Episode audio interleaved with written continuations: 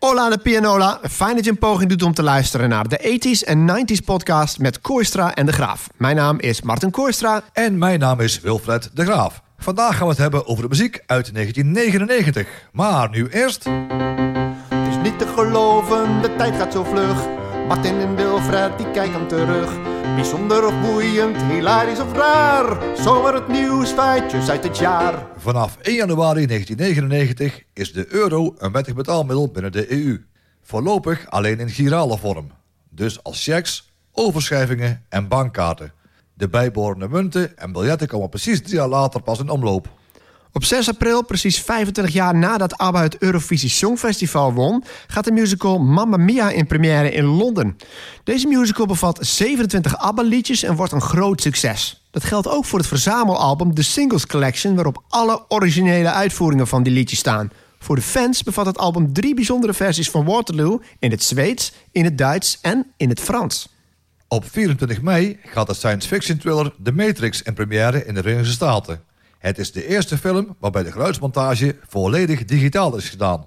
Het valt ook op vanwege het zogenaamde bullet time effect. Drie vervolgen later is The Matrix nog steeds een van de hoogst gewaardeerde films op IMDb. Latin Pop gaat verder met het veroveren van de wereld dankzij Ricky Martin. Op 29 mei verschijnt zijn eerste Engelstalige album getiteld Ricky Martin. Het komt binnen op nummer 1 in de Amerikaanse albumlijst. Tegen het eind van het jaar zijn er alleen in de VS al 7 miljoen exemplaren van verkocht.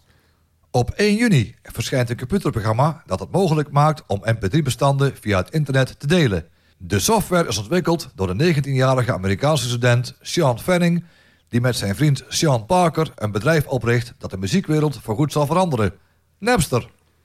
Van 22 tot en met 25 juli, 30 jaar na het oorspronkelijke Woodstock Festival, vindt Woodstock 30 plaats op een voormalig vliegveld bij het Amerikaanse stadje Rome. Vooraf is er veel kritiek vanwege de hoge entreeprijs. Het oorspronkelijke uh, concert was namelijk, of festival, was gratis. Het optreden van Limp Bizkit wordt onderbroken omdat er gewonden zijn gevallen. De volgende dag is het festivalterrein verwoest door agressieve bezoekers en moet de oproerpolitie ingrijpen om de laatste zogenaamde fans te verjagen. Woodstock 30 gaat de geschiedenisboeken in als een fiasco. Twee jaar nadat de eerste versie van het 802.11-protocol is verschenen... besluit de Wireless Ethernet Compatibility Alliance... de naam van dat protocol te veranderen in iets wat veel makkelijker te onthouden is. Vanaf 1999 heet deze revolutionaire datalose verbinding Wi-Fi, voor ons wifi. In september is RTL Nieuws de eerste zender die bewegende beelden maakt van de vicepresident institutionele verkoop bij de Deutsche Bank in New York. Ze is te zien terwijl ze haar lunch haalt. Haar naam? Maxima Sorgieta. De Amerikaanse speelgoedfabrikant Play Along Toys profiteert van het enorme succes van Britney Spears. Op 15 oktober brengt het de Britney Spears Fashion Doll uit. Er zijn zes versies gebaseerd op de kostuums die ze draagt tijdens haar optredens. Het wordt een groot succes en de poppen zijn nog steeds populair op veilingsites. Spears was trouwens de meest gebruikte internetzoekterm van 1999. Ja, ook hier weer heel veel nieuwe nieuwtjes, bijzondere nieuwtjes moet ik zeggen. Maar laten we maar gewoon op 1 januari beginnen. Want dat was uh, voor, voor jou denk ik een belangrijkere dag dan voor mij. Ja, er was natuurlijk al, uh, al sprake van dat we al, al wisten dat er op de duur de, de euro ingevoerd zal worden met munten. Dat was uh, in 2002. Maar om de overgang makkelijker te maken, denk ik, begon het al met, uh, ja, met uh, het, het verkeer. En dan maak je in het bedrijfsleven maak je al eerder kennis met de euro. Ja, ik denk ook dat de simpele reden was dat ze dan de tijd hadden om eventuele tekortkomingen nog bij te stellen. Want je kunt altijd, in dit geval kun je altijd nog terugvallen op het oude systeem. In die drie jaar kun je dan kijken van wat, wat zijn er dingen waar we tegenaan lopen, zodat in ieder geval de invoering van die munt een stukje gladder verloopt. Maar ja, kijk, voor mij maakt het niet zoveel uit omdat ik toen studeerde. Maar jij werkte toen ook al in een handel. als een bedrijf dat producten verkoopt en dat ook een markt heeft in België. Dus kun je nog herinneren wat dit teweeg bracht eh, bij jou op de werkvloer? Nou, op zich nog niet heel erg veel. Ja, je zag overal ja, wel dat je vanzelf al ging omrekenen met euro en gulden. En natuurlijk voor België euro en frank. Dat was een beetje het, uh, het verschil. Oh, dat lijkt me wel lastig, want wij, wij ons, wij, ons was allemaal ingepeperd uh, en duidelijk gemaakt van uh, een euro is 2 gulden 20. Maar hoe zat het met de frank? Dus dan moet je dus ook Ja. voor de Deutschmark, die is het weer iets minder. Maar dan moest je dus eigenlijk voor die verschillende eh, munteenheden...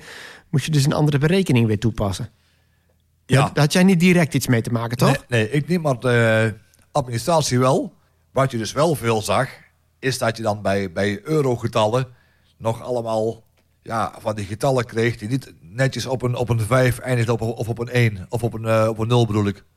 Dus zat hem wel in details dat je merkte wat kleine verschillen voor jou? Want je, je, je, je doet, ehm, ja, kun je bes- beschrijven in hoeverre je hiermee in aanraking kwam op de werkvloer? Jijzelf? Wij zagen de facturen als het eh, nodig eh, was, bijvoorbeeld bij een, bij een zagen wij de facturen in euro's en in frangen, dan wel guldens. Leverde dat nog eigenlijk problemen op, voor zover je weet? Of was dat eigenlijk redelijk snel de ja, gesneden koek, voor zover dat überhaupt van toepassing was? In mijn beleving ging het vrij soepel. Nou. Maar ik, ik, ik moet toch eventjes noemen, want we hadden het eh, in onze vorige uitzending al eventjes over de MP3-speler. Het is niet het onderwerp dat ik kies, koos, want toen zat er met wanneer, hoe zat het ook met het uitwisselen van die bestanden. Maar dat was dus een jaar later. Dus eerst was de MP3-speler er en toen kwam eigenlijk Napster met die eerste illegale uitwisseling eh, gedoe. Dus dat eventjes om dat recht te zetten. Maar waar ik eigenlijk voor koos is iets waar de vorige keer ook al even naar verwezen werd. Want eh, in 1998 hadden we het over Emily Bremers. Het feit dat het uit was tussen Emily Bremers en, eh, en Willem-Alexander. En een jaar later was het dus zo... Het was een obsessie met Willem-Alexander. En die obsessie met Maxima die begon dus in 1999. Ja, ja. Maar dat, dat ging dus al het jaar daarvoor door. Ik weet nog wel, ik, eh, ik had in die tijd een, een relatie... en een vriendin van mij, die, die beste vriendin... dat was een nichtje van Johan Flemmings. De Johan Flemmings, die eh, kennen we allemaal nog wel. Die, misschien dat hij dadelijk ook weer meedoet met zijn minister van het feest... eh, verhaal bij de verkiezingen die eraan zitten te komen in november. Eh, maar die had een liedje gemaakt... en dat was op een liedje van Hot Chocolate. Ik weet even niet hoe het heette. Maar dat heette dan Emil, Emme, Emily... Ik wil wel met je trouwen, maar je, mijn moeder wil het niet. Eh, dat was, ja, dat even terzijde. Maar hier merk je gewoon weer, weer groot nieuws. De komst van Maxima Sorgieta. Ja, maar ik vind het wel noemenswaardig eh, om, eh, om nog te zeggen dat Johan Flemings...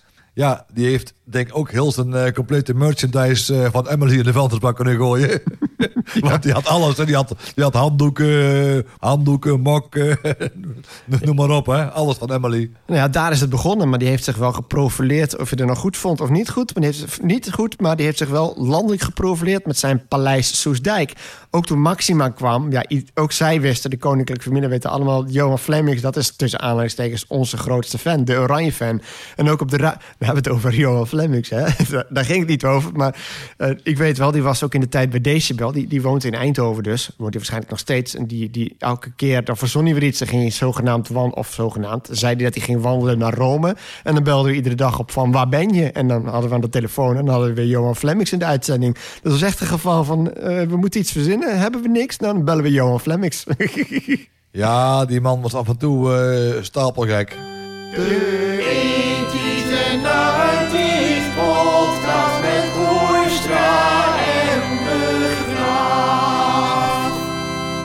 Dan is het nu tijd voor onze muzikale top 10 van 1999. En daarvoor gebruiken we, zoals altijd, onze muziekbijbel, het Top 40 Hit Dossier. Wilfred en ik hebben elk vijf liedjes gekozen uit de single top 100 van het jaar 1999. En daar hebben we een top 10 van gemaakt. En we beginnen onze top 10 met het liedje met het minste aantal punten. Nummer 10.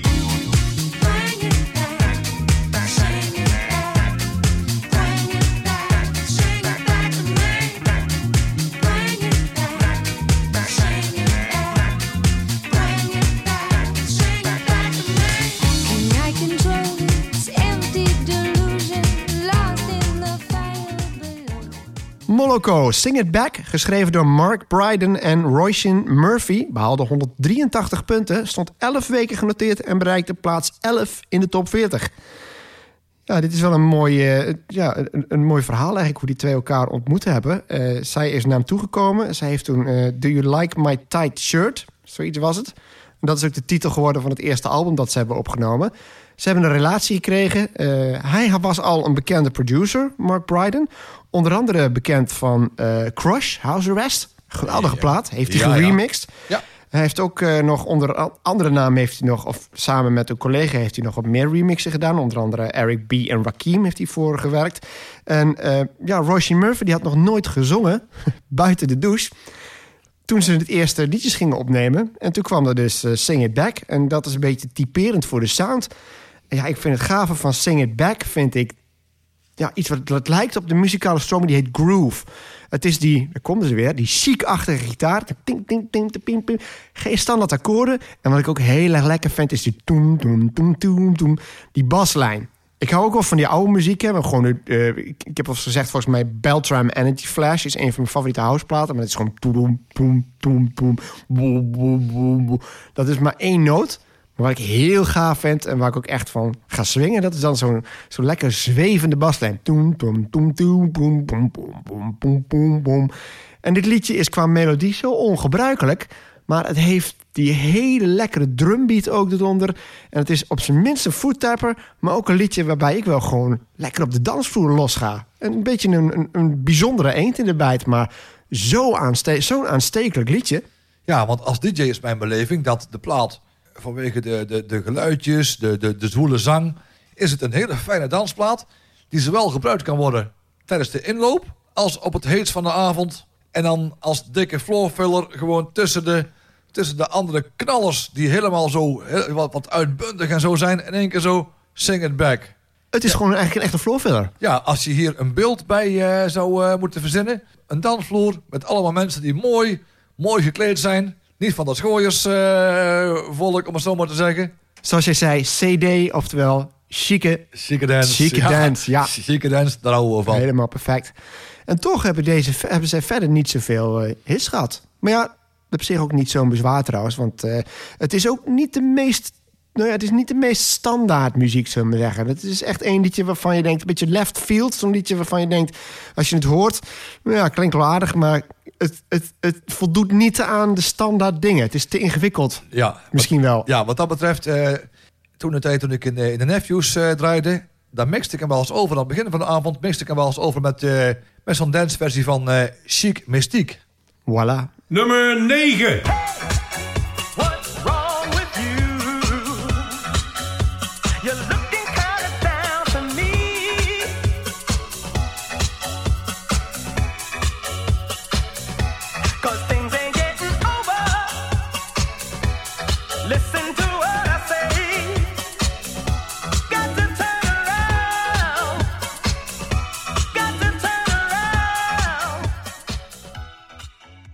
Fats and Small, Turn Around. Geschreven door Davide Romani, Joseph Tucci, Mauro Malavasi, Tony Lee en Wayne Garfield. Behaalde 230 punten, stond 10 weken genoteerd en bereikte plaats 7 in de top 40. Ja, we hadden het in de vorige uitzending over, eh, over Stardust. Hier heb je ook weer dat gitaartje. Tindelip, tim, tindelip, tim. Ja, die heb ik helemaal eh, heb ik even nagekeken op eh hoe sampled. En het is echt een klein, een klein riffje wat één op één zo in de sample gegooid is. En dat is gewoon de basis van de hit. En het, eh, het is gebaseerd op, eh, op Reach Up van Tony Lee. En ik heb dat eh, beluisterd. Maar ze hebben met de tekstvolgorde lopen knutselen. Want het is, het is geen één op één zang. Ook wat, wat langzamer. Alleen dan ga je luisteren en denk ik... Ah, sommige deeltjes van de zang worden wel gebruikt in Turnaround. En sommige niet. Maar wa- waarom kies je dit eigenlijk? Omdat het toch veel lijkt op Stardust. En het is, eigenlijk is de zang dus ook bij elkaar gejat. Het blijft een van de grootste dancehits, ook van het jaar. En ook in de clubs, een fantastische plaat. En ook zo eentje dat eh, misschien mensen wel denken van... als ze hem horen van, wie zingt dat ook alweer? Want het is niet echt zo'n zo'n hele gebruikelijke eh, naam. Want die hebben ook eigenlijk één hitje gehad, Fats and Small. Van tevoren hadden ze nog een, eh, een remix. Een remix eh, met ongeveer dezelfde beat. Hadden ze een remix gemaakt van eh, September van Earth, Wind Fire. Ben ik benieuwd. Welke zou jij eerder draaien dan op een 90s feest? Earth and Fire, die remix? Of toch Turnaround? Turnaround. Ja, is het dan omdat Earth and Fire eigenlijk stiekem toch jaren 80 is? Eh, ik merk op feestjes dat als ik Turnaround draai, dat die ja, zeer goed ontvangen wordt. Oh, trouwens, September, oorspronkelijke versie is, is ook niet voor de jaren 80 versie plaat. Want die plaat komt uit januari se- 79. Eh, september was juli 99. Dus er echt eind juli dat wel. Er zat echt acht weken tussen. Dus Maar de, ja, de plaat. Ik was er eerst bang voor dat hij helemaal kapot gedraaid zou, eh, zou worden. Maar eh, ja, hij werd veel gedraaid op, eh, op landelijke radiozenders. Echt een radiohit. Zevende positie Nederlandse top 40. Gaan we naar het buitenland. Dan bereikte de plaat plaats 2 in zowel de, de Vlaamse Ultra Top 50 als de Vlaamse Radio 2 Top 30. En in Wallonië, daar werd de zevende positie bereikt. wat? Hey, we hebben een nieuwe, de Waalse. We zitten Ja. de Waalse Ultra Top 50 of iets zo. eh, iets waarschijnlijk in die, eh, in die trend. Is dat toch met. Nou goed, dat we het daar niet te diep op ingaan. Maar ik vond het al zo vreemd dat je steeds een Vlaamse top noemt. En dan moet het toch ook een Waalse zijn. Maar waarom moet dat gescheiden zijn? Nou ja. Ja. Kijk, we hebben ook een, er is ook wel een Friese top 25. Maar dat zijn Fries liedjes, weet je wel. Een Brabantse top 25. Dan gaan ze ook geen liedjes van buiten Brabant doen, toch? Maar goed, dat is iets anders. Nummer 8.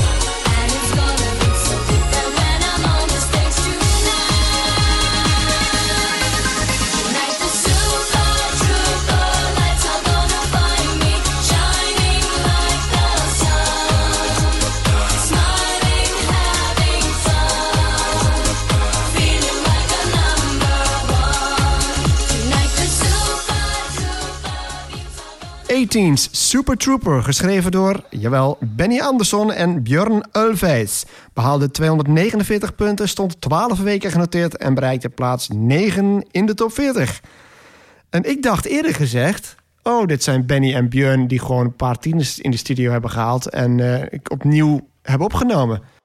Eh, Maar dat is helemaal niet zo, want zij, eh, zijn, zij zijn niet de producers. De producers zijn Thomas Johansson en Ole Evenroede. Nou, Ole Evenroede, die hebben we niet genoemd, maar die heeft wel gewerkt met Ace of Base. Dus ja, een Zweedse hitmachine. en eh, die andere, dat is wel opvallend, Thomas Johansson, eh, die werkte begin jaren tachtig met Frida van Aha. ABBA. Dus ja, er is wel een directe link met ABBA. Maar had jij dit ook niet van dat je dacht van... oh, dit is, eh, het zijn allemaal covers van, eh, van ABBA... dus daar zullen Benny en Björn wel achter zitten. Ja, hetgeen wat mij verraste was eigenlijk dat, eh, dat ABBA altijd heel zuinig is op zijn rechten. Daarom, ja, dat, dat speelde bij mij ook mee. Ik denk, dat doen ze alleen als ze het ook kunnen doen zoals ze zelf willen. Ja, als het ook wel zodanig goed uitgevoerd is, dat ze zeggen, ja, dit vinden we goed. Het grappige is, eh, die kids, ik heb ze even opgezocht, want die naam die kent bijna niemand. Je hebt die blonde zangeres, hè? Je hebt ongetwijfeld een videoclip wel eens van hun gezien. Die heette Marie Serneholt. Had je Sarah Lumholt, dat was de brunette. Had je een eh, blonde jongen, die heette Daniel Lendeveld. En je had een donkere jongen, die heette Amit Paul. En die waren allemaal 15, 16 jaar. Oftewel, toen ABBA uit elkaar ging, waren zij nog niet geboren. Maar ABBA is hot. Ik was eh, een paar weken terug, was ik nog in, eh, in Geldrop bij, de kasteel, eh, ja, bij het Kasteelfestival op, op de zaterdag. En dat was de afsluitende band. Dat was E-Fever, een ABBA tributeband. En heel veel mensen zijn ook gebleven tot ze gingen spelen. En het, eh, wat heel slim was van, eh van E-Fever, vond ik dat ze nog een, eh, ja, nog een extra zanger en een extra zangeres nog erbij hadden. Dus de vocals die klonken wat voller. Maar het, het mooie is dus, we zitten alweer ruim een generatie verder. Want we zitten 24 jaar nadat dit liedje werd uitgebracht. En ook bij de jeugd, waren er veel jongeren en kinderen ook bij? Bij, die, bij het optreden van ABBA Fever? Kinderen natuurlijk daar was het te laat voor. Ja, oké. Maar wel van de jeugd. En ook die gingen vooraan staan. En dan heb je het over onder de 20? Ook wel, onder- ja, ook wel rond de 20 jaar. Ja, dus Ja. Het blijkt, blijkt toch op een of andere manier dat ABBA de generaties eh, blijft... eh, nieuwe generaties blijft inspireren. Misschien ook wel, misschien ook wel weer eh, aangewakkerd door die re-release van dat, het recente Ja, album. Ja, misschien wel. Maar ja, ik merk ook als ik aan het draaien ben op zo'n op zo'n ethisch feest. En ik draai ABBA. Dat het ook door de, door de jongere generatie eh, in het café eh, goed wordt ontvangen. Draai jij e-teens überhaupt wel eens dan? Op een 90s party kun je eigenlijk geen ABBA draaien, maar via e-teens kun je dat stiekem wel natuurlijk. Ja, op, eh, op 90s eh, wel, maar op, eh, op ethisch eh, niet. Want dan draai ik de echte ABBA. Ja, nee, dat klopt. 1999. Ja, maar ABBA kan we niet op een 90s party. Mamma Mia was de andere single. Hoe vond je die? Ook van A-teens. Ja, ook goed en ook makkelijk eh, en fijn in, eh, ja, weer in te mixen in een, eh, in een setje. Heb ik ook bij Nephews eh, heel veel gedraaid. Dus handig, vooral voor op een 90s party achter de hand. Als je toch ABBA wilt draaien en je wilt Ja, niet ja. vals spelen, pak dan gewoon die verzamelaar van, van Ja. E-teens. Ja, precies, want binnen de, binnen de gay scene is ABBA ook ontzettend populair. Nummer 7.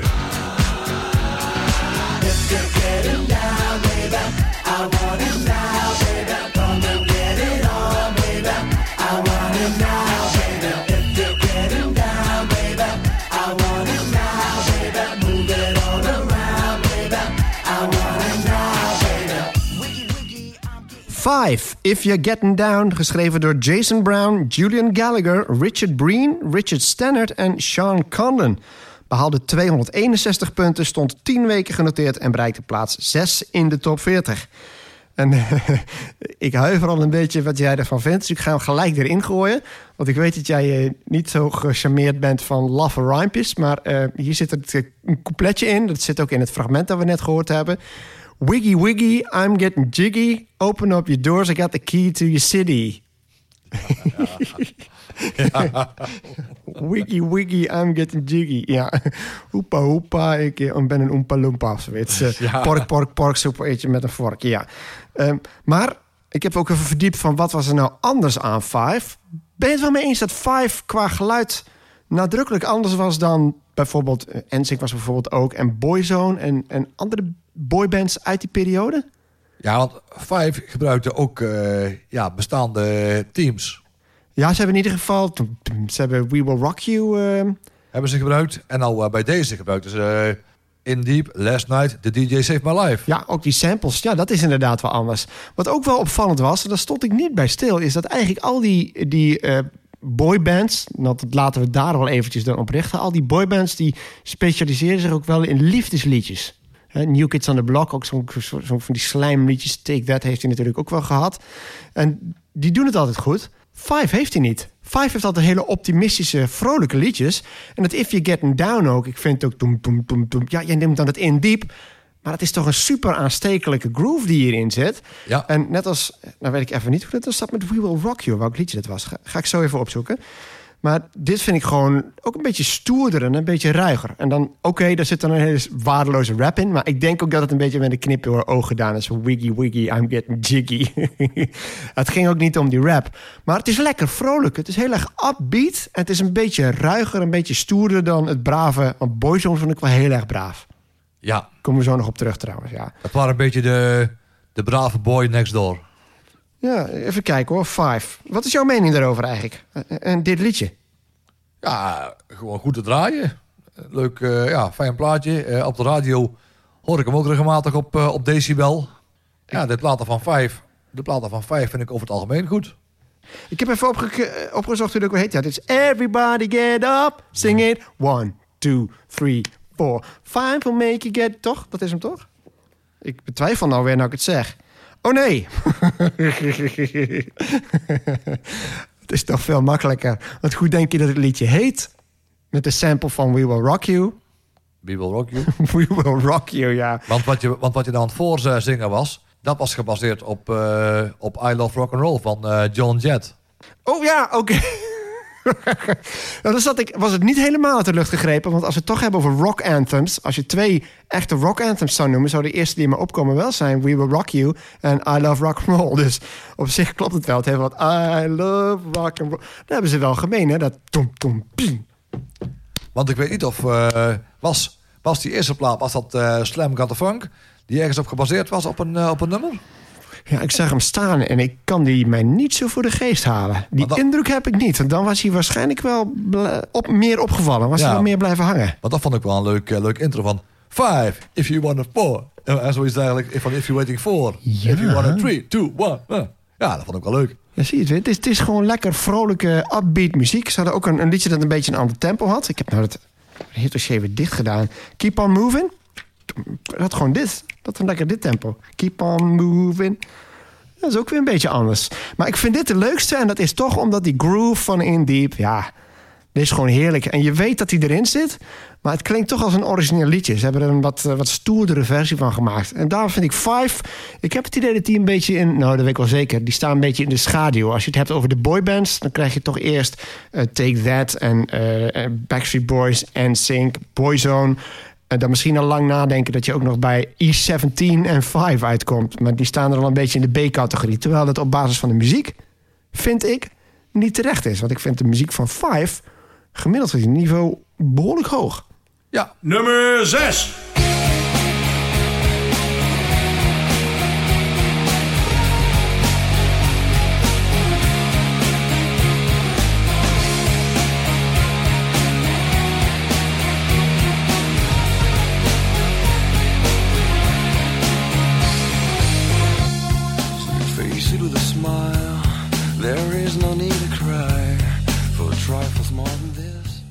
Liquido, Narcotic. Geschreven door Liquido. Behaalde 305 punten, stond 14 weken genoteerd en bereikte plaats 4 in de top 40. Ja, een van de meest herkenbare 90s deuntjes aller tijden. Ja, het is weer een rockplaat en niet van mij. Ik zou jou één ding zeggen. Ik ben die lijst doorgegaan, want wij zoeken dus iets uit uit de single 100 top 100 van het jaar. En er zat één liedje in, zeg mij niks. Dat was deze. En het was niet, toen ik hem hoorde had ik natuurlijk meteen iets van, oh is het die? Maar Liquido en Narcotic zijn mij helemaal niks. Dat is denk ik ook wel typerend. Ik denk dat weinig mensen dit liedje zullen eh, weten. Oh, Liquido, Narcotic, ik weet precies wat het is. Maar zet hem in. Ja. tup, tup, tup, tup, tup. Ja. Ja, ik was hem een keer vergeten bij een popquiz. En ik heb het mezelf zo kwalijk genomen dat ik het nooit meer vergeten ben.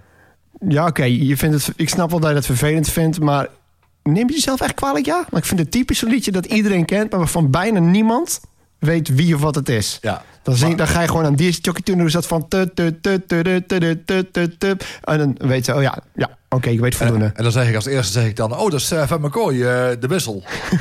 oh, de hussel. Ja. de hussel. Doe de hussel.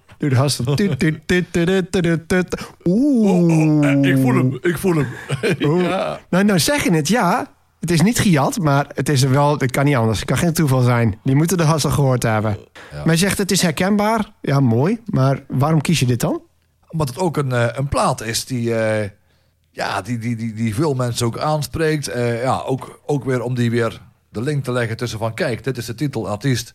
En dit, dit deuntje is, is het. En omdat het zo aanstekelijk is... het wordt ook in de sport, in de sport nog wel eens gebruikt. Ook als soort van, eh, van stadion-tune. Bijvoorbeeld eh, het, over, het officiële anthem van een paar eh, voetbalclubs. Dan moet ik het goed uitspreken. Girondin de Bordeaux. Oh. En de Oostenrijkse voetbalclub FC, UFC eh Everding. en het is ook een plaat die je eigenlijk altijd kan draaien op een 90s feest. Of Ja. het nou van tevoren is bij de inloop. Gewoon tijdens het feest.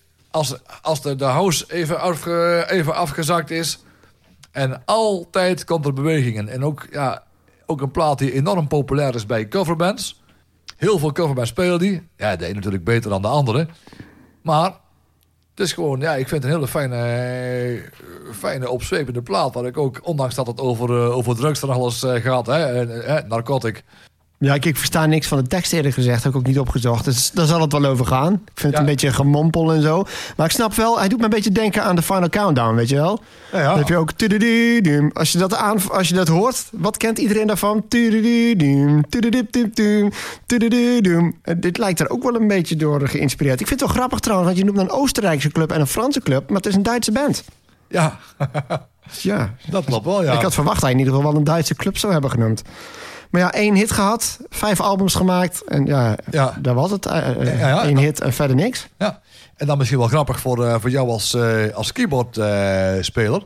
de, de componist, ja, zeker de, de toetsenist, had dus het nummer gespeeld in de beginsel als demo op een tweedehands gekochte Roland keyboard, waarvan de vorige eigenaar wat aangepaste geluiden in een preset niet verwijderd had. En hij komt op het geluid en hey, deze ouwe is mooi.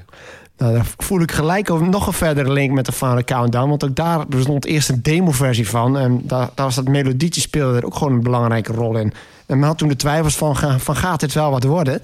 Eh, maar werkt dit net zo goed als de Final Countdown in een blokje rock? Dus ja, dat lijkt me wel. Tenminste, ervan uitgaande dat jij de Final Countdown ook redelijk standaard kunt draaien. Ja, maar deze werkt nog beter. Vanaf het moment als de, de beat erin komt en die, die gitaren, dan iedereen springt. Ja, dat klopt. Je hoeft niet lang te wachten. Voordat het, dat is zeg maar, als die opening er is, dan gaan de mensen gaan ervoor klaarstaan. En dan tellen ze af. En als die beats erin komt, dan gaat het los. En het helpt ook dat Radio 538 de plaat tot alarmschijf bombardeerde. Waardoor hij vaak gedraaid werd op de radio. En ook, denk ik, daardoor in de kroegen veel gedraaid werd. En ja, veel mensen pikken het nummer op. Het blijft lekker hangen. Het is niet moeilijk. En ondanks misschien de wat, eh, wat, wat vage tekst... dat hij daarom eh, toch eh, ja, enorm hit geworden is. Want aanvankelijk werd de demo ingestuurd naar verschillende platenmaatschappijen. Maar vanwege de tekst, omdat het over drugs ging... durfden veel platenmaatschappijen het niet aan om die plaat uit te brengen. Maar de enige die het wel durfde in 1998, dat was Virgin Records. Maar dat van die alarmschijf is in dit geval inderdaad wel interessant. Want ja, eh, er komt, elke week komt er een alarmschijf uit. En ja, in veel gevallen denk ik, zonder die alarmschijf hadden ze het ook wel gered. Maar ja, dit is een band waar niemand van gehoord heeft. En dus kent niemand ook het liedje. Het is ook een liedje waarvan je denkt, nou, niet een gedoodverfde hit. Want het is, het is niet een commerciële plaat. Ja, achteraf gezien wel natuurlijk. Maar laat zeggen, een stevige rockplaat over drugs. Ja, dat wordt niet snel, wordt dat een automatisch een hit. En dat is wel een typische plaat dat met een duw, dat een duw in de rug wel kan gebruiken. Dus ik denk dat hier die alarmschijf status wel degelijk geholpen heeft. Ja, Nummer 5.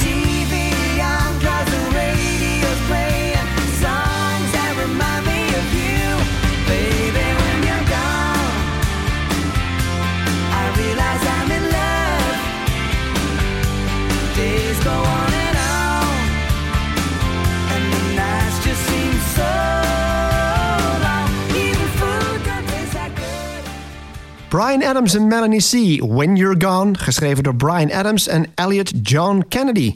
Behaalde 380 punten, stond 14 weken genoteerd en bereikte plaats 6 in de top 40. Ja, we zijn nog niet af van de Spice Girls, maar dit is uitgebracht voordat de Spice Girls niet eens uit elkaar gingen. Maar die gingen in 2000, eind 99, ge- gingen die tijdelijk even op, tijdelijk, lasten die een pauze in. En Melanie C. was dus nog actief met de Spice Girls toen ze dit uitbracht met Brian Adams. En dat is wel een grappig verhaal. Brian Adams is natuurlijk een grote naam. Eh, en de combinatie Brian Adams en Spice Girls eh, niet voor de hand liggend. Eh, dat was het ook niet, want hij had het eigenlijk bedoeld als duet met Sheryl Crow. En die had hij ook gevraagd, in ieder geval contacten meegelegd, of er nou via via was, van of hij een duet wilde met, hem, met hem wilde opnemen. Maar ja, die reageerde niet. En toen blijkbaar is dat het verhaal, kwam je ergens in een lift, kwam je Melanie C tegen, zei we moeten samen wat opnemen. En toen is dit geboren. En het is, eh, ja, het is een absolute crowd favorite. Tot in de lengte van jaren bij Brian Adams. Eh, absoluut ontzettend populair. Zo populair zelfs dat hij eh, bij gebrek aan Melanie C. het liedje ook bij solo optreden speelt. En dan gewoon fans op een podium vraagt. Want hij zegt, ja, hij zegt, ja als, als ik het kan zingen, dan kunnen de fans het ook. En dat vind ik, wel een, vind ik wel een leuk gebaar. Ik vind het ook een fantastisch duet. ja. En de plaat kun je wel draaien op Radio 538. Kan gedraaid worden op Sky Radio, op, eh, op, op Radio 10, op Veronica. Het lijkt me ook een hele fijne kroegenplaat. Maar ja, dat is eigenlijk met, met al die uptempo liedjes van Brian Adams wel, vind je niet? Ja, maar So Far So Good was ook een heel goed album. Ja, klopt. Daar stonden, daar ik vind ook het duet met Tina Turner. It's Only Love. Ook Ja. heel prettig. Ja, en ik vond ook eh, I Need Somebody. Somebody to like you. Toch? Ja, Ja. ja. zeker. Ja, Brian Adams is natuurlijk een van de, de meest toonaangevende Canadese artiesten aller tijden. Maar ja, wie had gedacht dat hij eind jaren 90 nog één keer zo'n grote hit zou hebben? Ja, maar ja, wat hem siert, dat Brian Adams is niet bang voor verandering. Nee, dit is, eh, d- dat klopt. Maar het is nog wel steeds echt... eh, Het past wel binnen de traditie van Run To You. Op tempo ja. dansbare Ja. rockmuziek. Ja, want hij is nog een, eh, een keer een samenwerking aangegaan, als ik me niet vergis, met Chicane. Een beetje een soort van trance-formatie. en of die plaat nou, of het nou eh, Salt Water was, het staat ergens eh, in, maar het was in ieder geval een, eh, een soort van trance-achtige plaat, waar Brian Adams eh, de vocals van deed. Oh ja, hij staat erin. Chicane featuring Brian Adams. En dat was... Het was niet Saltwater. Hij- dat was featuring Mayor Brennan of Planet. Oh, ja. Maar de, de vervolgsingle Don't Give Up... Oh ja, don't, ja, met, eh, ja, don't give up. Ja, Oké, ja, jij kent hem dus blijkbaar. Je zat wel goed inderdaad, Chicane. En het is een hit geweest. Ja, dat, dat vind ik ook wel weer mooi. Maar eh, dit is, dit is wel interessant, want ik, ik had dat idee wel. We hebben al gehad over eh, bijvoorbeeld de Dolly Dots. Nou ja, als ik zeg Dolly Dots en zangeres, wie springt er dan voor jou uit? heb ik me nooit in verdiept. Angela, Angela Groothuizen natuurlijk. Dat is degene die altijd in de muziek eh, eh, actief geweest is. Ria Briefjes kan ook goed zingen trouwens. Maar in de Spice Girls is er eentje die er vanaf het begin eigenlijk altijd bovenuit sprong. Of iedereen zei, dat is de beste zangeres. En dat was Mel C. En ik denk, dit is wel een perfecte springplank geweest naar haar solo-carrière. Zij is ook de enige die tot, tot nu toe nog, nog steeds een succesvolle solo-carrière heeft opgebouwd. Maar ja, het eerste wat we doen is natuurlijk breken met die, die, die Spice Girls sound. Ja. En dat is een probleem dat ook Jerry Halliwell, maar Mel B heeft het ook geprobeerd en Emma Bunton, die hebben allemaal geprobeerd om een vervolg te geven, maar die bleven te dicht bij hun eigen geluid. En zij gaat dan kiezen voor Brian Adams, wat onvermijdelijk poppy is, maar het is totaal geen Spice Girls. En When You're Gone, in mijn eerste beleving, leek hij ouder dan dat hij was. Ja, zoals ik al zei, hij past eigenlijk in de traditie van Run to You. Want Run to You is ook Ja. een rockplaat, maar is zo geproduceerd dat het klinkt als een danceplaat. Ja, En dat is bij deze ook. Je hoort het is een rockplaat, maar dat, door die, die, die, die, ook gewoon die aanstekelijke, dat ritme dat erin zit. En het feit dat er ook toetsen in zitten, die mix van gitaar en toetsen.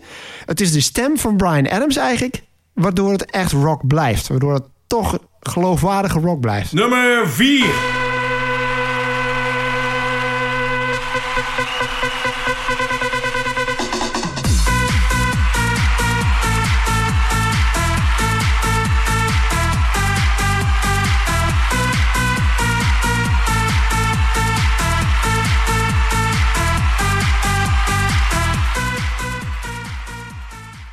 DJ Jean, De Lance. Geschreven door Addy van der Zwan, Jan Engelaar, Jan Voermans en Koen Groeneveld.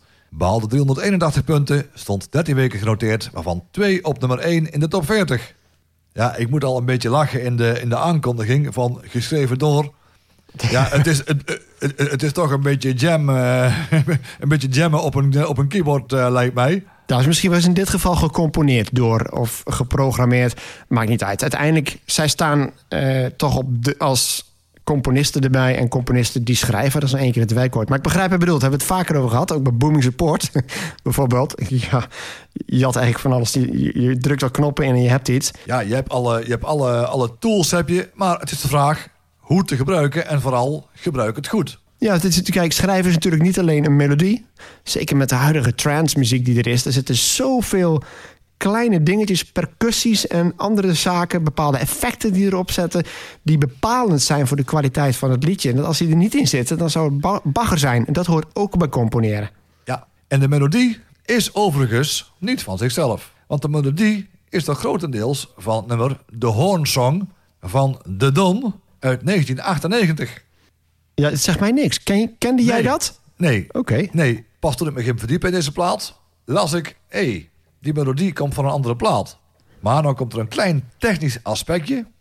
Het belangrijkste verschil is behalve het tempo ook het moment van inspelen. Want de horn, die begint op de beat. Dus krijg je... En nu is het... ta, en- ja. ta, ta. Hm? En, en de lounge begint pas na een beat. Ja, dus... Dat is eigenlijk een reggae feel, zullen we maar zeggen. Dat is het verschil. Oké. Ja, en het is eh, ja, een, een electronic dance nummer. Met een heel vaak terugkomend, terugkomend deuntje.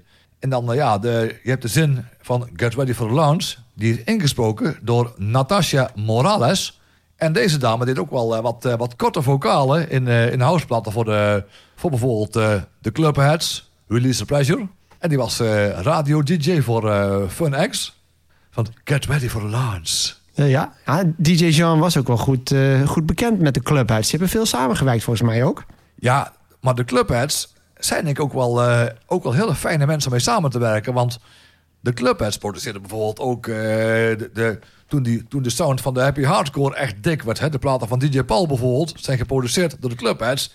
Je weet hoe ze klinken, ook op, jou, op jouw koptelefoon als mp3. Die producties zijn gewoon, gewoon geweldig. Ja, het is eigenlijk ook wel logisch dat de clubheads willen samenwerken met iemand als DJ Jean. Want DJ Jean, ja, dat was op dat moment, kun je wel stellen, toch binnen de clubcircuit nummer 1 discjockey in Nederland. Resident DJ van de IT in Amsterdam. Ben jij er ooit geweest? Nee, ik ben er nooit geweest. Maar ja, het was, eh, het was wel een van de toonaangevende DJ's. En die heeft toen hij nog eh, in, het, eh, in, het, ja, in de hoogtijdagen van, van de IT... had hij nog wat, ook wat bescheiden hitjes, hè, met, samen met Peran. Let Yourself Go. Goeie plaat. En ook Let Yourself Go is weer ergens van gesampled. Uiteraard. Want er zijn DJ's goed in, een beetje, een beetje platen, platen gebruiken, hergebruiken. En eh, ik kan me nog herinneren, er was een keer een radio-interview, was dat volgens mij, waarin DJ Jan een beetje een, beetje een verhaal eh, zo opdeed van dat mensen nogal eens eh, ja, wat neerbuigend deden over de housemuziek en, en zo. En dan zei hij, zei hij, ja, hij zei echt van, eh, er zijn bands die ooit maandenlang aan het opnemen zijn. Die maken de plaat, brengen hem uit en de plaat doet niks, haalt niet eens tipperaden. Ja, eigenlijk, als het voor commercieel succes gaat, een verloren project. De Lounge heb ik eigenlijk eh, ja, eh, bedacht en heel de basis al op mijn computer neergezet. Nou, in zeggen en schrijven nog geen drie kwartier. En die plaat wordt gewoon in 12 landen nummer 1. Ja, wie lacht er aan het hardst? Ja, zo is het ook. Ik vind wel, het is natuurlijk wel zo. We hebben het ook gehad bij Snap. Want die gingen ook te werk. Hè? Die, die hadden ook connecties met een disco. En die testen daar hun liedjes. En ja, als DJ ben je nou, dagelijks, meerdere keren per week... heb je direct dat contact met jouw fans. Of in ieder geval jouw aanhang. Dus kun je heel makkelijk, heb je heel goed idee van wat het publiek wil. Maar daar zit wel een belangrijk verschil met een band. Een band is er lang niet altijd op uit om iets te maken wat het grote publiek wil. Dat vind ik ook. Je hebt twee soorten muziek. Ik denk als DJ, dan is je doel om mensen aan het dansen te krijgen. En dat kan alleen als de muziek dus gericht is op die mensen. Maar als je muziek maakt, is het vaak ook gewoon een expressie van wie je bent. En dan maakt het niet zoveel uit of mensen het nou mooi vinden. Of dat het nou een miljoen van kocht voor we kochten of een paar duizend. Dus ik vind dat. Hij heeft wel gelijk. Het is een goed argument om te zeggen: je moet niet zo neerbuigend doen over dance. Nummer 3.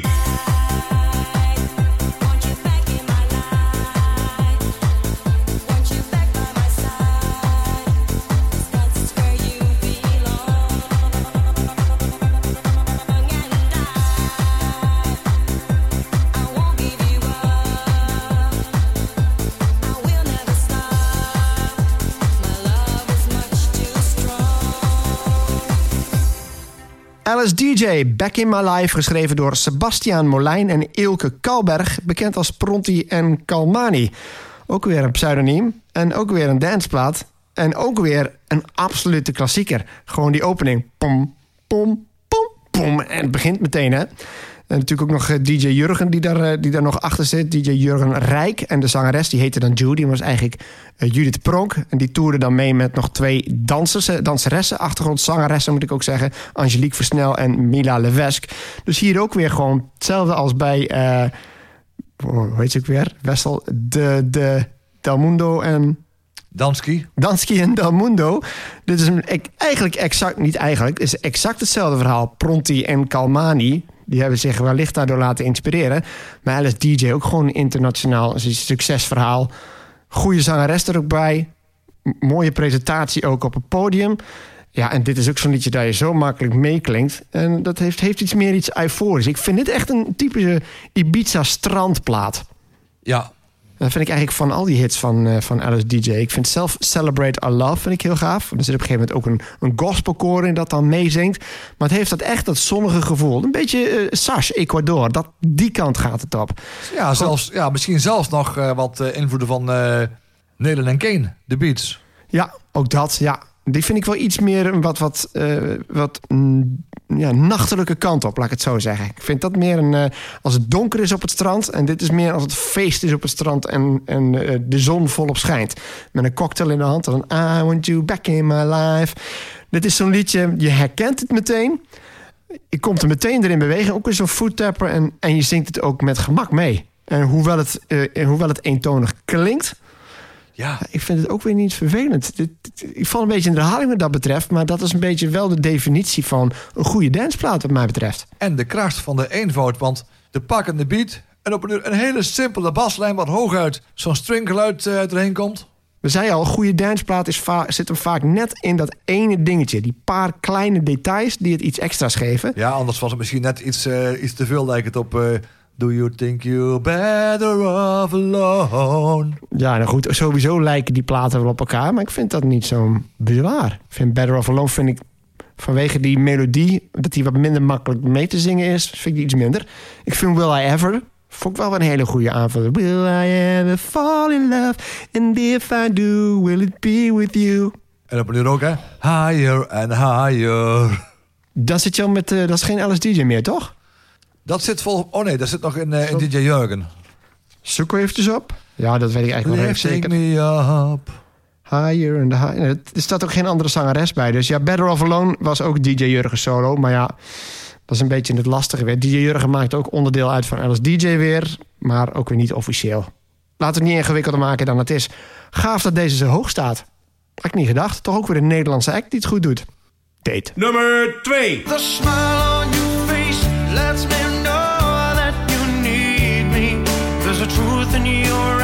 saying you'll never leave me. The touch of your hand says you'll catch me wherever I fall. You say it best when you say nothing at all. Ronan Keating, When You Say Nothing At All. Geschreven door Donald Slits Jr., en Paul Overstreet. Behaalde 417 punten, stond 15 weken genoteerd en bereikte plaats 5 in de top 40. Een zwijmelliedje. Ja, een oorspronkelijke country song. Ja, dat verbaast me alleen maar meer, want jij bent niet zo van deze liedjes, zou je denken. En dit is ook echt, komt uit Notting Hill ook nog, daar is bekend van geworden. Ja. Het is gewoon een zeikliedje, toch? Ja, eigenlijk wel, maar het is, het is waarschijnlijk de, de, de, de uitvoering. De uitvoering en hoe die klinkt en het, eh, het, instrument, ja, het, eh, het instrumentengeheel. Dat ik het toch een hele dikke plaat vind. Ja, Niet omdat je Notting Hill ook gezien hebt? Julia Roberts, Hugh Grant? nee. Oké. Nee, je bent niet zo'n filmliefhebber, maar Nee, ik Ja. heb... eh, ik, vind het toch, jij zegt van ja, dit is dan de uitzondering, want het, het klinkt wel goed, maar ik denk ja, oké, het, is niet, het is iets anders dan Max van Polo Conte of Sinead O'Connor. Dit is wel eh, iets, iets voller geproduceerd, laat ik het zo zeggen. Dus wat wijdser dan die echte hele kleine liedjes. Daar ben ik het wel mee eens. Ja, zit ook nog een beetje, ja, een beetje sentimentele waarde aan. Want bij de Nephews, Ah. waar, waar iedereen... Waar, waar, waar, heel veel DJ's in een, in een kroeg eh, of een discotheek als laatste plaat, eh, bijvoorbeeld eh, het laatste rondje of iets dergelijks eh, draaiden, was bij mij altijd, draaide ik eh, deze plaat. En dan, eh, dan kwam echt, ook de installatie kwam helemaal volledig tot zijn recht. Ook met die, eh, met die boze bas die, eh, die erin zat. Want ik had die, eh, ik had die basunit had ik, eh, had ik eigenlijk min of meer had ik onder mij.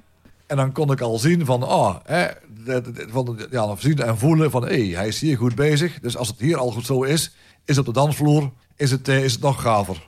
Hoe kwam jij er dan op om dit te pakken? Ja, misschien, eh, misschien juist gewoon, misschien juist als er één keer zo, hup, het stampende weg was. En dan de licht al half aanging. Iedereen ja, maakt al aanstalt om een beetje weer naar huis te gaan. Ik denk, oh, when you say nothing at all. dan is even iedereen. Je hoorde bijna niks, eh, niks meer praten of zo. En iedereen ging gewoon rustig. Rustig even het liedje afwachten zo. En dan, eh, ja, dan was de avond eh, was weer geweest. Ja, natuurlijk het belangrijkste is dat het, dat het werkt. Dat mensen dan denken einde van de avond. En dat ze met een glimlach naar de garderobe of naar buiten gaan. En dan kan zo'n plaat, eh, zo'n plaat kan daarbij helpen. Maar ja, Ronan Keating natuurlijk Boyzone. We hebben de Boyzone al wel eens genoemd. Wat zeg jij? Want Ronan Keating heeft toch ook al een aantal andere hits nog gehad. Life is a Rollercoaster bijvoorbeeld en nog een paar andere. Ja, een goede plaat. Liever Boyzone of liever Ronan Keating solo? En ik kan als je wil even de singles opnoemen, als je dat nodig hebt. Ja, roep maar. Boyzone. Eh, pak ik even alleen de liedjes die de top 20 hebben gehaald. Love Me For A Reason. Ja, ja, een Eh. goede plaat. Ja. Key To My Life. Kan ik zo niet voor de geest halen. Father and Son. Die Cat Stevens eh, cover. Nee. It's only words. Ook een cover van de Bee Gees. No matter what. La nog iets. Ja, dat is ook een goede plaat. Oké. Allemaal een beetje traag. Een Ja, beetje- ja, ja. Dat is wel grappig, want we hadden het over Five. En Boyzone die, die heeft dus wel allemaal van die zwijmelliedjes, van die trage liedjes. En Five had dat niet. Ja, want had het, eh, ja, had het, eh, Roland Keating had het met, ook met If Tomorrow Never Comes. Klopt, en dat is, dat is zijn grootste hit nog trouwens. Want dit was wel een grote hit met 417 punten. Maar If Tomorrow Never Comes, 2002 zit er dan 466 punten. Life is a Rollercoaster, Ja, een goede plaat. goede plaat ja. Love in Each Day. Love in Each Day. Ja, ook op tempo hè? Ja, Ja, ook wel. Ja, oh, ja. nou, het is maar goed dat hij uit de Boyzone is gestapt, denk ik dan. Nummer 1.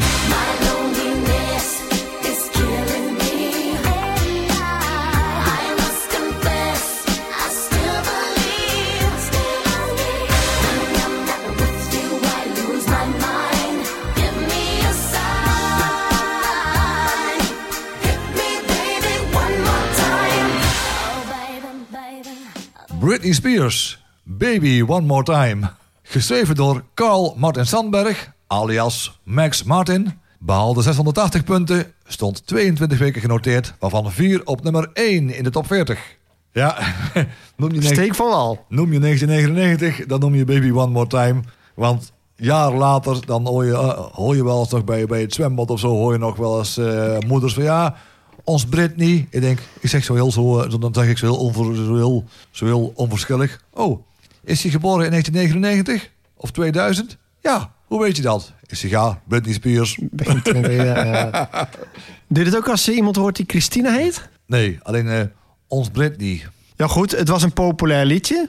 Maar betekent het ook dat je hem goed vindt? Ja, maar ook gewoon heel de, heel de artiest eh, Britney Spears eh, is, eh, is interessant. Die, ja, die doet eh, behalve, behalve zingen, die maakt ook haar eigen kleding. deed ook de eigen choreografie, choreografie bij, bij nummers. Nou, dat had natuurlijk ook nogal wat ervaring, hè? Want zij, Ja. zij was een van de vier grootheden. De, de, ik heb een website gevonden waar andere namen worden genoemd. Maar er zijn vier eh, mensen van de generatie van de Mickey Mouse Club. Ja, ja, ja, ja. Zij heeft, ik heb een optreden van haar gezien met Justin Timberlake. Die daar trouwens ook een rapje deed. Ik denk dat ze daar een jaar of 11, 12 waren. En ja, het, ik kreeg een beetje een ongemakkelijk gevoel bij. Ten eerste was het zo'n net niet liedje. Eh, ik weet niet eens meer hoe het heet. Echt een, een heel erg generiek dansliedje. Waarbij ze dan ook als zeg maar 11, 12-jarige van die dansbewegingen deed... die passen bij, nou ja, Madonna, laat ik zeggen, qua, Ja. qua intensiviteit. Het zijn geen vulgaire dansen... Je hebt wel het idee van ze presenteren ze hier als volwassen zangeressen. Je kent wel die beweging met die nek, dat die nek zo heen en weer gaat. Ja, dat zie je Britney dus doen. Ik denk, ja, dat is leuk en aardig als je 20 bent, maar niet als je 11, 12 bent. Maar daar hebben ze wel het klappen van de zweep geleerd. Christina Aguilera zat er ook. En ik moet hem ook even noemen, Ryan Gosling. Ryan Gosling, eh, geen succes als zanger-danser, maar wel natuurlijk een, een zeer vooraanstaande acteur. Eh, ook te zien nog recentelijk in Barbie bijvoorbeeld, als Ken speelt erin. Dus ja, ze had nogal wat dingen. En een van de dingen waarmee ze uitblonken was haar dansen inderdaad. Ja, ik denk zonder haar dansen en zo. En ja, was denk ik de plaat misschien niet zo'n hit geworden. En ook, want, ja, want de video speelde ook een grote rol. Ja, het, het rare is, ik, ik, ik lees altijd op... Ik heb de website al eerder genoemd, laat ik een keer noemen. All Music is voor mij een belangrijke bron voor onderzoek. Eh, het interessante is, er staan ook heel mooi op een rijtje... alle albums die ze gemaakt heeft. En daar viel me één ding op. Want het eerste album, Baby One More Time... eh, daar staat zij op eigenlijk als dat schattige meisje van de Mickey Mouse Club. Kijkt ze heel lief zoals ze kan kijken. Heeft ze gewoon een rood t-shirtje aan en een, een spijkerrokje en zo. Daar is ze echt nog, ja, alsof ze net van de lagere school komt. Heel braaf, girl next door. Eh, en dan ga je naar Oops, I Did It Again, het tweede album. Nou, daar is net of dat gefotoshopt is. Ze heeft haar haar geblondeerd, want ze heeft eigenlijk eh, bruin haar, lichtbruin haar. Haar haar is geblondeerd, ze heeft een topje aan, waarbij haar navel is te zien. Eh, korte mouwen ook, of mou- mouwen eigenlijk helemaal niet. En eh, de belichting is ook zoals die van een sexy vamp. En ze kijkt ook verleidelijk in de camera. Ik denk, ja, maar wacht even. Baby One More Time, die videoclip, dat is een veredelde pornodroom. Ja. Ook met dat korte rokje en die paardenstaartjes en zo. En elke keer die tong die ze uitsteekt. Dan denk ik, er is ergens dus een besluit genomen van op de cover gaan we haar presenteren als een braaf buurmeisje. Maar in de videoclip als een soort, eh, ja, veredelde slet zou ik bijna zeggen. Ja, en misschien is, die, misschien is juist dat, dat, dat, dat gebied en ook die, juist die uiterste... komt misschien wel terug in haar privésituatie. Ja, ik geloof dat het op, dat moment nog niet zo speelde. Ik, ik zei slet trouwens, dat is een beetje overdreven. Maar het is wel eh, een, een beetje een... ehm, ver- verleidelijk is het, is het beter woord. Ja. We moeten niet gelijk, eh, gelijk maken aan slet. Maar ze, ze ziet er wel verleidelijk uit. En heel anders dan op die albumcover. En ja, nu is het natuurlijk nog onduidelijk... van hoe ver had ze dat zelf in de hand. Ja, Want de plaat zelf, die is eh, ja wel, die hebben natuurlijk wat, eh, ik denk met een, eh, een schuin oor nog wat geluisterd naar, naar Robin met R-O-B, Griekse I N. show me love. Ja, ook qua, qua, qua ritme, dat een beetje, een beetje opgepitst en is iets anders. En dan, ja, dan krijg je, dan krijg je One More Time. Want het, ja, de, de, de dingen, de, de, de beat die gebruikt was, is ook wel min of meer zo'n standaard 90s eh, sound. Die ook in, eh, in, veel, eh, in veel platen gebruikt werd. Het heeft ook die hooks, hè? Die eerste drie noten al weet je meteen dat het Britney Spears is. Oh, baby, baby. En dan eh, de aanloop naar de Frank Show Me How You... Nou, dan moet ik opletten, want ik weet nou dat ik twee dingen door elkaar ga halen. Want ik draai Britney Spears niet zo vaak. Maar het probleem is dat die andere single... Oops, I Did It Again, er nogal op lijkt. En het is typisch Ja. zo'n geval dat je denkt... ik ben Baby One More Time aan het zingen... en dan ben je per ongeluk Oops, I Did It Again aan het doen. Wat Ja. natuurlijk ook de vraag rijst... eh, als je draait op een 90s party... is het dan per se Hit Me One More Time? Of kan Oops, I Did It Again eigenlijk ook wel? Het zou, ja, het zou denk ik wel allebei kunnen. Maar ik denk dat voor de meest spontane reacties... dat het toch Baby One More Time wordt. Wil nog wel één vergelijking trouwens maken daarmee. Zou je kunnen zeggen dat eh, Baby One More Time voor Britney Spears was... wat eh, Never Gonna Give You Up voor Rick Ashley was? Is dat een eerlijke vergelijking? Ja, je zou het kunnen zeggen. Alleen bij Rick Astley vond ik nog dat het, eh, het vervolgalbum ook nog wel sterke nummers had. Bijvoorbeeld She Wants to Dance With Me. En Take Me To Your Heart. Ja, ik vond Cry for Help. Was dat zijn derde album al? Had hij een lang had hij een matje? Cry for help is all that I need. Oh, die ken je al niet meer. Ja, ja, ja, die ken ik al, maar dat was een beetje het, dat was een beetje het, eh, het partygehalte vanaf, vond ik. Ja, nu klopt. Want dat was ook de bedoeling om een beetje te Ja, breken. Maar goed, ja. we hebben het niet over Rick Astley. Het gaat over, ja, we, we komen terecht via Britney Spears bij Rick Astley. Ja, maar die link is wel terecht. Ja, Allebei eigenlijk iconen van een bepaald jaar.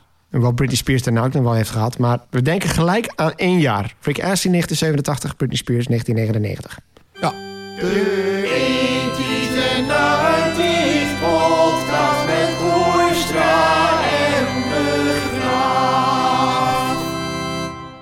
Nou, conclusies. Eh, ja, veel prefab valt dat mee? Ja. Geen girlbands in ieder geval deze keer. Ja, nou ja, toch wel weer. We, we noemden 18's. Maar goed, dat was overigens ook niet bij elkaar gezocht. Dat waren echt vier jongeren die gewoon van ABBA hielden. Ja. Five. Dus we we geven wel een breed beeld van, de, van zeg maar de, de, de tienermuziek. Dat is wel grappig, want dan Ja. waren zelf natuurlijk twintigers. en dan kom je toch met dat soort eh, liedjes uit. En er was natuurlijk eh, één plaat uit de jaren tachtig die in, eh, in het jaar weer, weer, eh, ja, weer in één keer eh, de volle aandacht kreeg. Van een zekere heer Prins, een plaat. 1999. Dat is een goeie. Ja, eens even kijken hoe groot... of dat ook weer... Dat was sowieso weer een single-notering, maar... Hoe ver kwam die? Nou, plaats 16. Ja, heeft maar vier weken genoteerd gestaan. En vreemd genoeg... Huh? Wacht, dit begrijp ik niet. 16 januari 1999. Oh ja, natuurlijk. Dan was het dus van 98 op 99. Ja, ja, ja. ja, ja, op 99. Ja. Dat is, eh, nou ja, dat vind ik niet zo logisch. Want de titel is 2000 Party Over Oops Out of Time. Tonight we're gonna party like... Dus je zou denken dat draaien op oud jaar 1999. Op het moment dat het 2000 wordt. Ja. Maar ja, dat gebeurt wel vaker dat liedjes verkeerd begrepen worden. Dat mensen niet goed naar de tekst luisteren. ja, maar ja, stel dat je op stap bent. Je zit in, een leuke kroeg. Alle, ja, ook in, eh, in leuk gezelschap. Ga je dan op een tekst letten van een liedje... of ben je gewoon gezellig je biertje aan het drinken en, eh, en, en, en aan het praten? Ja, maar ho, ho, ho. Twee dingen door, niet door elkaar halen. Eén is wat gebeurt er in de kroeg. En de tweede is wat ga je kopen. Het feit dat iets... Ik bedoel, 1999 werd, de hele, werd sowieso al regelmatig gedraaid. Het is gewoon een hele goede kroegenplaat. Ja. Maar in begin 1999 stond hij opeens weer in de top 40. Ja. Dat is niet omdat hij veel in de kroeg werd gedraaid... maar omdat veel mensen die single weer kochten dus. Denk ik, wat een raar moment. Ja, misschien wel eens eh, een soort van naslagwerk in de aanloop van het volgende millennium. Ja. Even kijken of er nog wat opvallende dingen zijn die we niet genoemd hebben. Ja, Christina Aguilera, die hebben we wel even genoemd. Ehm, ja, ik zie hier eentje die, die mij niks zegt in de top 10 staan eigenlijk. Sasha, If You Believe. If you believe in love. Oké, ja, dat zegt mij nog steeds niks. Ja, Be- Believe van Cher wel. Die hadden we ook al stiekem genoemd. Ja. Oh, Tarkan. We hadden het een keer eerder al over, eh, over Aisha. Zo van dat eigenlijk de, de Arabische, nou ja, de rai een beetje doorkwam. Dit past er ook op bij Tarkan. Vind ik wel geinig trouwens. Ja, ik kan die hele li- lijst wel aflopen, maar waarom eigenlijk? Dan zijn we een beetje aan het zoeken iets wat niet is. Andere conclusies nog eigenlijk als we kijken naar het lijstje. Nee, ik weet wel uit mijn ervaring dat ik het een, eh, een, leuke, een leuk jaar vond met, eh, qua, qua dancemuziek. Ja, kijk, we hebben ook een, een aardige dwarsdoorsnede. We hebben Moloko, Ja. Small en Yep. DJ Jean. En dan kun je Super Trooper er ook nog bij pakken. En Back in My Life, ja. Toch weer veel dance, maar toch weer redelijk variatie. Dus de dance is dan toch in onze keuze in ieder geval weer eh, ruim vertegenwoordigd. En dat het eigenlijk na 95 behoorlijk op de achtergrond verdween... hebben we nou gewoon weer zes dansliedjes. Althans, zes liedjes die je daarvoor... Five past er eigenlijk ook wel in, hè? Kun je ook dance noemen. Ja, ja. Maar goed, tot zover de jaren 90 zullen we zeggen. In ieder geval de reguliere hitlijsten. ja. Dus ja, daarmee zijn we aan het einde gekomen van deze aflevering van onze podcast. Fijn dat je wilde luisteren. Houdoe. En bedankt.